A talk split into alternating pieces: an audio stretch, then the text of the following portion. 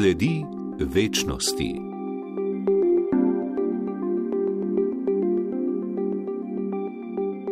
Drage poslušalke, spoštovani poslušalci, lepo pozdravljeni. Judovska skupnost v Sloveniji je izjemno majhna, šteje le nekaj sto članov.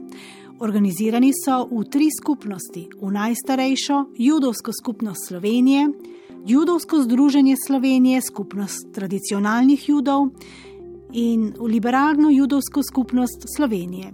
Takšna delitev v svetu ni nič posebnega. Mi smo pred mikrofon povabili predsednika liberalne judovske skupnosti Roberta Valtla. Gre za skupnost, ki se je kot verska skupnost registrirala pri Ministrstvu za kulturo spomladi letos. Ljudje vstopajo v najpomembnejše praznične dni in to je istočnica za naš pogovor. Prvi od praznikov je Roš Hašana, gre za po judovskem koledarju za novo leto. O religioznem sporočilu tega praznika, obredih, ki ga spremljajo, nam govori Robert Waltl. V nedeljo 25. septembra vstopamo po sončnem zahodu v novo judovsko leto 5783. Po tradicionalnem izročilu je do končnega stvarjanja prišlo prav na prvi dan judovskega meseca Tišri in tako rekoč je Roška Šana rojstni dan sveta. E, največja judovska praznika Roška Šana in Jom Kippur sta vključena v deset dni. Čeprav je to začetek judovskega leta, je to hkrati tudi vrhunec. Judovski prazniki niso komemoracije, Eh, pa tudi obeleževanje dogodkov iz preteklosti, ampak gre predvsem za transformacijsko izkušnjo. Tako kakor za posameznika, tako seveda tudi za vse eh, narod. Bistvo vsakega judovskega praznika pa se lahko izpove z eno besedo. Glavna tema in Roška Šane in Jonki Purja, točneje celega tega desetdnevnega obdobja, je sprememba. Spremeniti se kot posameznik in kot skupnost, od tistega, kar smo bili do zdaj, do tistega, kar bi lahko bili, pa si mogoče nismo niti upali poskušati. Takrat mora tudi človek stopiti do vsake osebe, vsakega posameznika, ki je mogoče naredil kaj slabega, z deli ali pa z besedami, se upravičiti in popraviti narejeno. Pa tudi seveda samemu sebi se mora obrniti. Po judovskem koledarju se novi mesec začne s pojavom mlade lune, še pojasnjuje naš sogovornik in v nadaljevanju izpostavijo obrede, ki jih ljudje izvajajo ob praznovanju novega leta po hebrejskem koledarju. Eh, Roš Hašana se sicer praznuje eh, dva dneva, tudi v Izraelu, kjer se sicer prazniki praznujejo samo en dan. Eh, začne se z samim prižiganjem sveč, ki imajo zelo pomembno stvar v, v praznovanju, vsak oba večera se prižgejo sveče. Potem druga posebnost Roš Hašane je pihanje v šofar to je uh, rok ovna, lahko sicer tudi gazele ali pa antilope. Potem tretji obred je simbolično metanje svojih grehov v vodo. Dovolj je recimo vreč kakšne drobtinice, ki si jih daš v žep in jih potem odvržeš, uh, obstaja poseben blagoslov, jih odvržeš v vodo. Jaz to ponavadi naredim tukaj pri izlivu gradaščice v Ljubljanico. Četrto so posebni pozdravi, ki si jih pošiljamo za praznik Rošhašano. Potem pa recimo eh, posebna stvar je tudi eh, početi, poskušati začeti nekaj novega. Običaj je, da ali se lahko, ne vem, si izberemo kakšen nov hobi, eh, kakšno novo igro se naučimo, ali pa si preprosto kupimo kako novo oblačilo, ki ga potem oblečemo za prvič za Rošhašano. Potem nekje so obredi tudi izdelovanja čestitk, pošiljanja čestitk, to ponavadi delajo otroci. Tudi fotografije, recimo, so zanimive, ko se družina fotografira in potem čez leta se eh, gledajo te fotografije, kakšne spremembe so bile pri članih družine. Potem je pa seveda omenil sem že eh, to obredje kesanja, temeljito premislimo o tem, kar smo eh, v preteklem letu slabega naredili, tako sebi kot drugim, eh, se vsem upravičimo. Tako kot ob vseh praznikih, naj bodo laični, verski, torej krščanski, muslimanski, judovski ali v kakšnem drugem verovanju, ljudje pripravijo posebne praznične jedi, ki imajo simbolna sporočila in z njimi še dodatno ob obredih poudarijo pomen praznika. Roš Hašana je posebna po tem, da za praznično večerjo jemo zelo specifične jedi, s katerimi simbolično izražamo svoje želje za naslednje leto. Zelo pomembno je, da za Roš Hašano jemo nekaj sladkega. Tekom let se je tudi razvilo mnogo simbolnih običajev pri tem prazničnem obredu za novo leto. Recimo en tak običaj je pomakanje krhljev jabolk ali pa kruha uh, hale v, v med, in pred zaužitjem tega izrečemo, naj bo božja volja, da nam obnovi novo leto, ki bo dobro in sladko. Obstaja pa tudi hrana, ki je recimo ne jemo za roškašano, to so v prvi vrsti vem, oreščki, uh, prazne slane in kisle jedi, da nam novo leto ne bi bilo grenko. Potem recimo jemo za rošašano granatno jabolko, ki ima eh, simboličen pomen, koliko je zrnc v njem, toliko naj bi bilo sreče v novem letu. Kot sem že omenil, verniki odhajajo prvi dan praznika do reke, eh, v kateri so ribe, govorijo molitve in mečejo drobtinice, kar simbolizira to odmetavanje grehov. Potem mogoče zanimiva stvar je, da prva dva dneva praznika je strogo prepovedano vsakršno delo razen priprava hrane pa mogoče še oblačimo se seveda svečano za praznike in za rošašano je pomembno, da so to bela oblačila. Roš Hašana ni družinski praznik, opominja Valtel. Družina se zbere le ob večerji v svojem domu, sicer pa dan ljudje preživijo v sinagogi, kjer izvajajo, prisostujejo pri številnih obredih v naši uh, mali sinagogi, liberalni skupnosti uh, v, v Ljubljani, se oba dva dneva srečamo v sinagogi in je seveda praznujemo praznik uh, ob molitvah in pa seveda v skupnem obedovanju cele skupnosti. Mogoče še glede same čestitke za Rošhašano, čestita se preprosto, šanatova ali pa šanatova umetuka, naj bo novo leto sladko. Skratka, običaj je, da drug drugemu zaželimo po prvem večeru v sinagogi, da eh, z besedami bodi upisan in zapečaten za dobro leto. Tako da tudi vsem, ki naj jo poslušajo, eh, želim seveda veselo Rošhašano, srečno in pa dobro, sladko novo leto 5783. V liberalni judovski skupnosti Slovenije so novo leto po hebrejskem koledarju začeli praznovati že pred tednom dni. Zakaj? Kot predpriprava je pravzaprav že prejšnji teden, prejšnji šabat, namreč najpomembnejši judovski praznik je šabat. To je vsak petek zvečer, ko se srečamo v sinagogi, sicer ne vsak teden, skupnost v Sloveniji je enostavno premajhna. Nekako odločitev je, da se poskušamo srečevati enkrat na mesec in petkrat na leto pa seveda skupaj z rabinom, v posameznih primerjih pa tudi seveda z kantori, s katerimi sodelujemo, oziroma z rabinskimi študenti. No in prejšnji teden za šabat smo kot nek uvod pripravili večer kulinarike, kjer smo poleg šabatnih jedi pripravili tudi neki jedi, ki jih ki so posebej značilne za praznike, kot so Pesah, kot je Purim, kot je Hanuka. In potem je bil pa en tak kulinarični pregled jedi, ki se pripravijo za Rošhašano.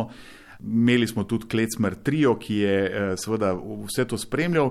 Tako da smo nekako naše člane že pripravili, bilo je tudi veliko nejudov, ki jih zanima judovska kulinarika. In eh, zanimivo je bilo, da uh, da smo pripravili en cel kup jedi, da bi naše člane spodbudili, da bojo zdaj v prihodnih dneh praznika kuhali pač te praznične jedi. Eh, mi bomo seveda pripravili eh, sedar za rošašano za naše člane, eh, mogoče bo letos malo manj, namreč kar neki naših članov se odpravlja v Luksemburg, k naši, bom rekel, bratski, verski, judovski skupnosti, katere rabina si skupaj delimo, Aleksandra Grodenskega, tako da bo glavni dogodek letos v Luksemburgu. Tisti, ki pa bomo ostali zaradi obveznosti, pa bomo seveda pripravili večerjo in poskušali slediti naši tradiciji.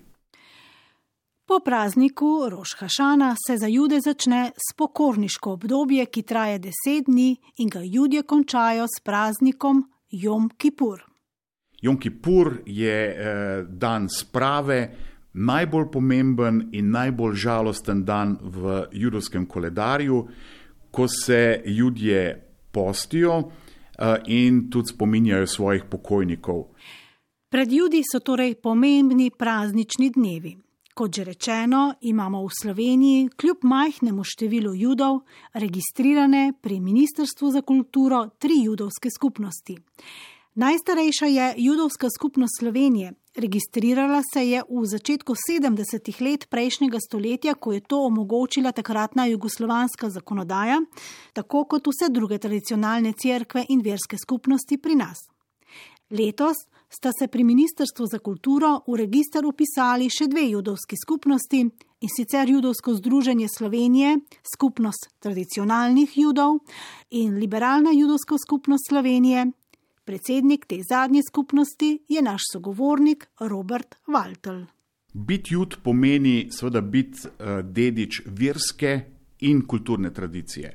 Če jud, ki prakticira uh, judaizem, to seveda pomeni, uh, da mora z ljubeznijo in s ponosom sprejeti tudi ohranjanje in prenašanje te, te tradicije. V 21. stoletju pa pomeni to, da je treba verjeti, da se da tradicijo prenašati v okviru sodobnega mišljenja in morale.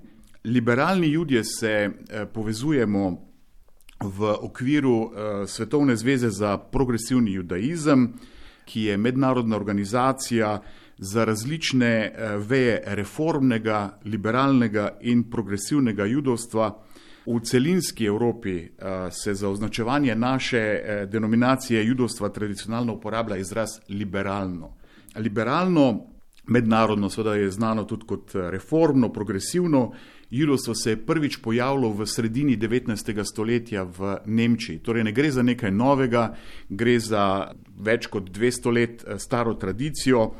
Njeni začetniki so bili Abraham Geiger, Holdheim, pa Samuel Hirsch, uh, skratka pomembni veliki rabini, ki so v 19. stoletju začeli s tem gibanjem in veljajo za ustanovitelje.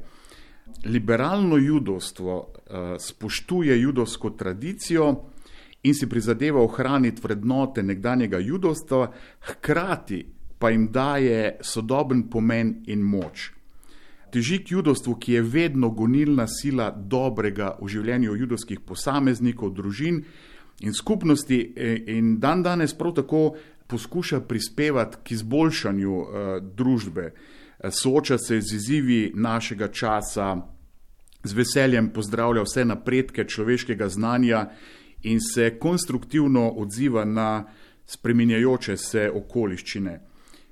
Resnico cenimo nad tradicijo, iskrenost nad konformizmom in človeške potrebe nad pravnimi formalnostmi.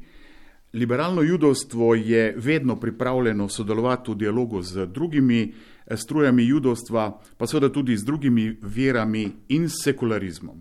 Vedno je pripravljeno na premislek, na spreminjanje in na inovacije. Eh, liberalno judovstvo je v svojem bistvu judovstvo preteklosti, ki je v procesu spreminjanja judovstva prihodnosti. Imamo izrazito vključujoč odnos do judovske identitete, egalitarne poroke, enakosti med spoloma, namreč potrjujemo enak položaj vseh judov v judovskem življenju. V naši sinagogi ni ločevanja na spol. Ljudje vseh spolov vodijo obrede, postanejo lahko rabini in zasedajo katerikoli položaj v, v sinagogi.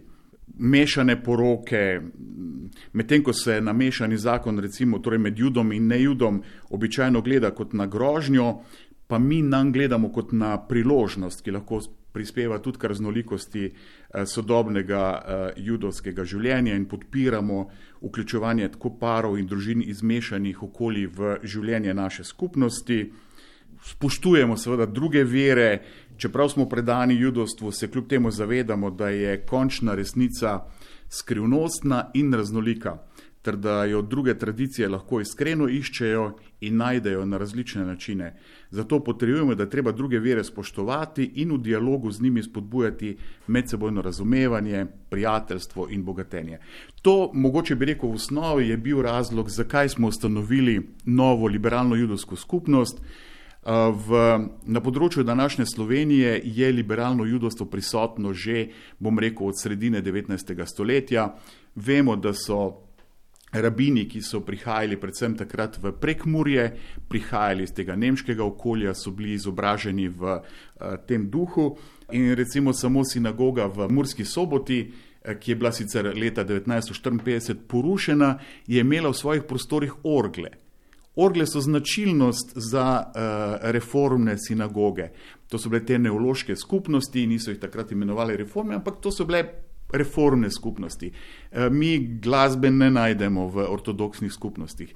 Tako da tudi v naši mali sinagogi za otvoritev, ki je bila 2. septembra, ki je bila, moram reči, zelo lepa svečana, o prisotnosti ne le rabina Grodenskega iz Luksemburga, ampak tudi kantorja Nikole Davida iz. Uh, Minhna je vse skupaj na orglah spremljal uh, Tomaš Sevšek in uh, ta harmonij, moram reči, da je prinesel nekaj posebnega, nek, neko posebno barvo v obred in mislim, da je bilo nekaj manj kot 50 prisotnih, so izjemno uživali in tudi sodelovali v tem obredu. Tako da se mi zdi, da smo uspeli uh, ne samo zdaj, da smo ustanovili neko skupnost, uradno skupnost, ampak res začeli ustanavljati oziroma graditi novo judovsko skupnost, ki seveda se absolutno pridržuje tega, kar liberalno judovstvo nosi sabo.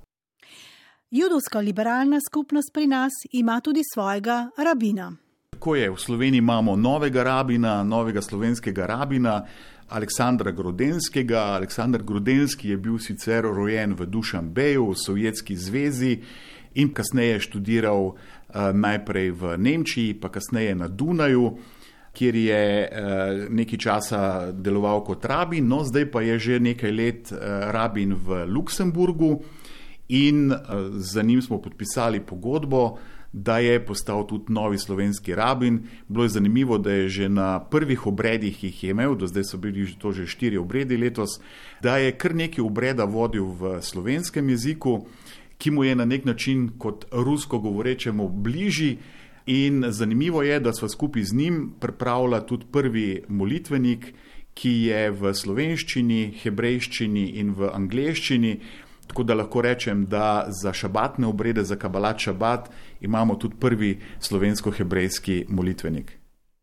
Liberalna judovska skupnost Slovenije šteje le nekaj deset članov. Člani judovske skupnosti Slovenije so uh, zelo zanimivi ljudje z izjemnimi uh, življenjskimi biografijami. Gre pa uh, po eni strani za člane starih ljubljanskih judovskih družin, torej preživelih v holokaustu, njihovih sinov, hčera, vnukov, vnukin. Potem po drugi strani imamo kar nekaj izraelskih družin, ki živijo v Ljubljani. Gre za mlajše uh, družine, ki jih je zdaj, kar bom rekel, že mislim, da ene deset družin, ki živijo ne samo v Ljubljani, v Sloveniji, ki so se tukaj ustvarili uh, ne samo delo, ampak tudi družine. Potem je kar nekaj eh, članov, ki so konvertirali v judovstvo. Tako da gre za, bom rekel, članstvo od zelo, je tudi kar nekaj tujcev, eh, ne, ne izraelcev, ampak eh, imamo kar nekaj tudi tujcev, ki živijo v Ljubljani, delajo v Ljubljani iz drugih okolij, ne vem, iz Nemčije, iz Združenih držav Amerike, iz Avstralije celo. Tako da smo taka res, bom rekel, kar zanimiva družba različnih ljudi, kjer seveda vsak je zelo v svojem nekem biznisu, poslu, ampak se zelo radi uh, družijo in uh, ravno zaradi tega, ker imajo te ljudje zelo zanimive poklice, se tudi lahko več aktivnosti organiziramo. Ne samo kulturnih, ampak tukaj so tudi znanstveniki. Uh, tako da mislim, da v prihodnosti, če bo vse po sreči, bo naša aktivnost res lahko še bolj, bolj barvita in bolj, bolj aktivna v smislu prirejanja različnih dogodkov. Zanimalo nas je, ali liberalna judovska skupnost Slovenije sodeluje s preostalima omenjenima skupnostima pri nas. Z judovsko skupnostjo Slovenije eh, sodelujemo že od leta 2013 in potem, ko je judovska skupnost izgubila svoje prostore na Tržaški uh, cesti, se je seveda tudi preselila sinagoga v naše prostore. Od leta 2016 je tora judovske skupnosti v prostorih eh, judovskega kulturnega centra, tukaj so bili tudi vsi obredi do korone, do leta 2020 ko smo začeli z obnovo naših prostorov in nekako tudi prekinili s tem verskim življenjem. In uh, zdaj le ob obnovi je Judovska skupnost Slovenije potrdila to naše sodelovanje, vrnila se je spet Tora k nam v naš obnovljen prostor, v našo sinagogo, tako da tudi člani Judovske skupnosti Slovenije uporabljajo našo sinagogo oziroma sodelujemo tudi pri pripravi vseh praznikov in tudi drugih kulturnih dogodkov. Kar se pa te uh, novo ustanovljene skupnosti uh, tiče, pa žal z njimi nimamo uh, nobenih uh, stikov. Predsednik liberalne judovske skupnosti v Sloveniji, Robert Walter, ki ga širša javnost pozna tudi kot odličnega ustvarjalca na dramskem področju, je svoje judovske korenine odkril že pred leti. Jaz, ko sem začel raziskovati svojo osebno zgodovino, sem sicer prišel do nekih podatkov, da je bila moja prababica uh, Judinja, ki je pa seveda potem sprejela krščanstvo oziroma katolištvo, se poročila z mojim pradedom, tako da se je ta judovska linija zgubila in šele ko sem bil upozorjen na to, da imam judovske korenine, sem se po dolgih letih začel malo zanimati, potem pa seveda padel v to zgodbo judovstva. Ko sem bil pa seveda že eh, zelo, zelo, zelo močno v judovstvu, že ko smo začeli organizirati versko življenje tukaj eh, skupaj z judovsko skupnostjo Slovenije, sem se pa začel zavedati, da nekaj seveda tukaj uh, moram narediti. Tako da sem se potem tudi uh, uradno odločil in v Frankfurtu opravil vse obrede in sprejel judovstvo, ki je, ki je zdaj moja vera, tako da jaz sem uh, jud. Drage poslušalke, spoštovani poslušalci, tisti, ki praznujete Roš Hašano, želimo vam srečno, dobro, sladko novo leto, vsem pa hvala za pozornost.